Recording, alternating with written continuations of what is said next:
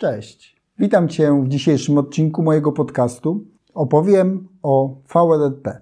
Dlaczego się stosuje, wady, zalety i ciekawostki. Zacznijmy od tego, jaki jest scenariusz. Po co się stosuje VLRP? No więc podstawowy taki funkcja czy zastosowanie VLRP to jest zapewnienie mechanizmu niezawodności, gdy mamy dwa routery. Czy mamy dwa routery dla danej sieci i w tej sieci chcielibyśmy, żeby jeżeli jeden ulegnie awarii i zniknie, to żeby ruch do innych sieci, do internetu dla urządzeń końcowych był nadal przetwarzany, czyli żeby routing działał. Ok, no ale jak wykonać tego typu strukturę, jeżeli urządzenie końcowe ma tylko jeden adres IP gatewaya? No i w związku z tym jeden MAC adres, który mapuje do tego adresu IP. Więc rozwiązaniem jest wirtualny adres IP i wirtualny adres MAC.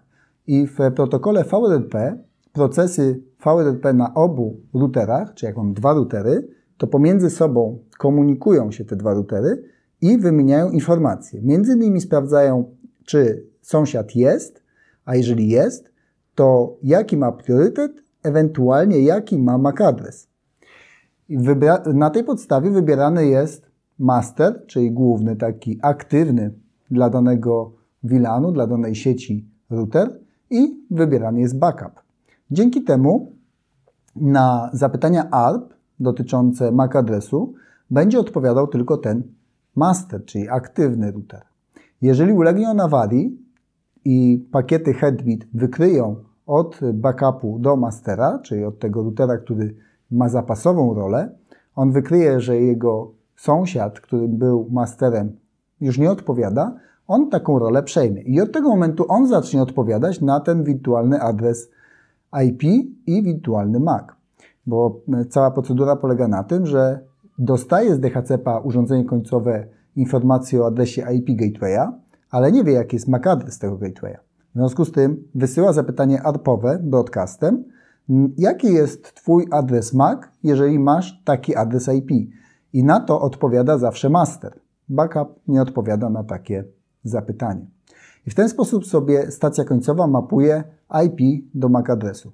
Ciekawostka jest taka, że jest powiązanie w VRP e, z końcówką MAC adresu jest związany końcówka, czy ostatni oktet w adresie IP. Jeżeli masz VRP z końcówką .5, to końcówka MAC adresu też będzie 5, tylko oczywiście w zapisie szesnastkowym.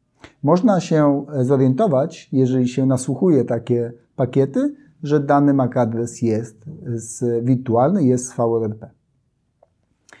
Inna ciekawostka jest taka, że jak mamy routery VRP, zazwyczaj są dwa. Ale okazuje się, niewiele osób y, korzysta z tego, ale można tych routerów dostawić więcej. Używa się to m.in. w klastrowaniu kontrolerów bezprzewodowych, gdzie możemy mieć takich kontrolerów do 12, a dla każdego, każdej instancji jakby VRP jest jeden aktywny i 11 backupowych. Takie konstrukcje też się czasem używa.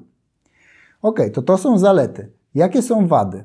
O, wady są takie, że to jest mechanizm konfigurowalny niezależnie na obu urządzeniach, więc trzeba oczywiście umieć to skonfigurować, wiedzieć do czego są priorytety, do czego jest preemption, czyli taki parametr, czy jak mamy dwa routery i jeden zniknie, ulegnie awarii i wróci, to co się ma zadziać?